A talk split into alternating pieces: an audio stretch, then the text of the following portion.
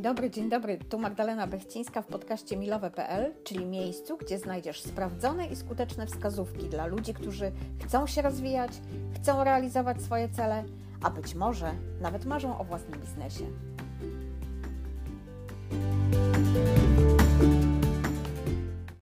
Wstawanie zwykle nie należy do najprzyjemniejszych czynności z całego dnia, chyba że czeka nas ekscytujący dzień. Nie wiem, czy pamiętasz, jak było się w szkole i czekała nas wycieczka następnego dnia. To nie dość, że człowiek nie mógł zasnąć z emocji, to jeszcze rano, mimo tego, że nocka była w plecy, wstawał wypoczęty jak skowronek.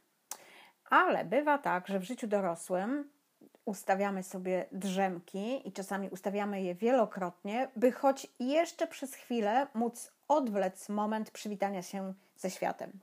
Witam Cię serdecznie w kolejnym odcinku i zaczynamy już teraz i bez drzemki. Pewnie nieraz słyszałaś o tych porannych rytuałach, które pomagają e, w zorganizowaniu dnia, ale dziś chcę się przyjrzeć jednemu z nich, który jest w stanie rozbić dzień, choć z pozoru wygląda bardzo niewinnie. Chodzi oczywiście o tą taką naszą reakcję na budzik, a konkretnie na to przysłowiowe jeszcze 5 minut. Można byłoby się teraz zastanawiać, co to w ogóle ma wspólnego tak, z, z tym podcastem, czyli z efektywnością czy osiąganiem jakichś życiowych celów. Jednak przynajmniej na razie daj mi taki kredyt zaufania, mm, a ja postaram Ci się pokazać, że ma i to jeszcze więcej niż nam się wydaje.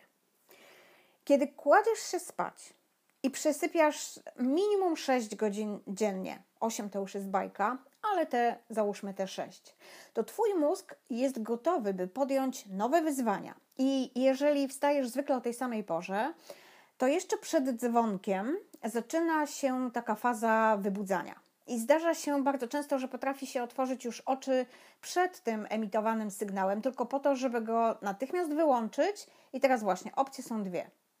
Albo wstajesz i zaczynasz dzień, albo zapadasz jeszcze w drzemkę. I to jest właśnie ten moment, który decyduje o dalszej Twojej efektywności podczas większej części dnia. Tak, właśnie ten. Jeśli dajesz się ponieść fantazji i faktycznie zaśniesz na te 5, 10, czasem nawet 15 minut, to po przebudzeniu wcale nie czujesz się wypoczęta i masz ochotę na kolejne przyłożenie głowy do poduszki. I dobrze wiesz, że można tak bez końca. Ale nie wiem, czy zwróciłaś uwagę, że wraz z ilością drzemek poziom wyspania i tej takiej ochoty do zaczęcia dnia wcale nie wzrasta. Być może nawet jest jeszcze mniejszy niż był natychmiast po pierwszym dzwonku. Dlaczego tak się dzieje? Przecież to jest w ogóle nielogiczne. Bez zagłębiania się w tematy snu, trzeba tylko przyjąć, że wiemy, tak, że sen nie przebiega tak ciurkiem, tylko toczy się fazami. I wraz z pierwszym dzwonkiem, przy założeniu oczywiście, że nie jest to jakoś szczególnie zarwana noc, jest gotowy do pracy, nawet jeśli czujemy tą poranną ociężałość. No takie zwykłe, normalne, ludzkie. Tak? Takie zwykłe, normalne uczucie niewyspania trwa około 15 no, minut, czasami do pół godziny, i potem przestajemy zwracać na nie uwagę i wpadamy w ten cały wir dnia. Co się dzieje, kiedy jednak zdecydujemy się na te dodatkowe 5 minut? Mózg dostaje sygnał, że teraz nie podejmujemy działania i jest zwolniony tak, z pracy, więc co robi? No, to co każdy, czyli wpada w kolejną fazę snu, która trwa około półtorej godziny. I teraz wyobraź sobie, jakiego doznaje szoku, kiedy ty po 15 minutach mówisz mu: Wstawaj, stary, żartowałam. I ta chwilowa ulga spowodowana przyłożeniem głowy do poduszki ustępuje natychmiast miejsca rozdrażnieniu, którego trudno się potem pozbyć. Twój mózg, wbrew pozorom, dalej śpi, choć ty próbujesz zmusić go do działania.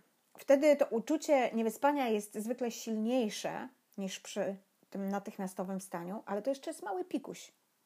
On w tej fazie nieprzytomności pozostaje nawet do 4 godzin, czyli przez dużą część dnia którą no jakby nie było, zwykle przeznaczamy, przeznaczamy na pracę i jeszcze mm, najczęściej nam się wydaje, że to jest ten moment, kiedy powinniśmy być najbardziej, najbardziej wydajni.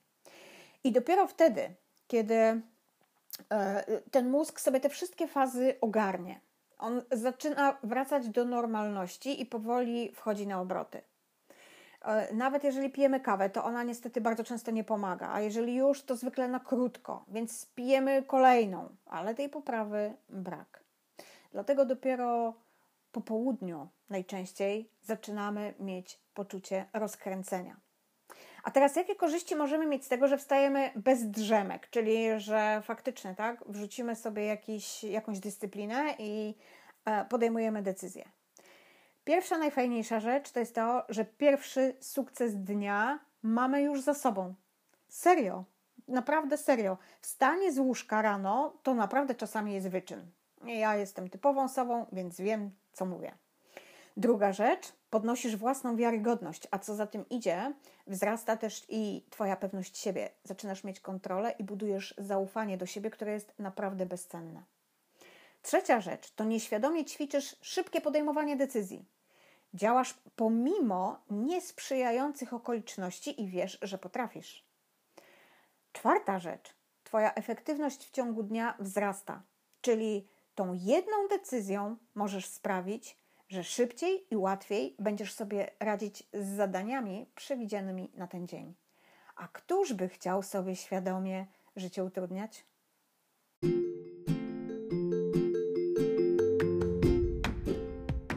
I to już wszystko na dziś. Będzie mi całkiem sympatyczne, jeśli podzielisz się tym podcastem z kimś, kogo lubisz.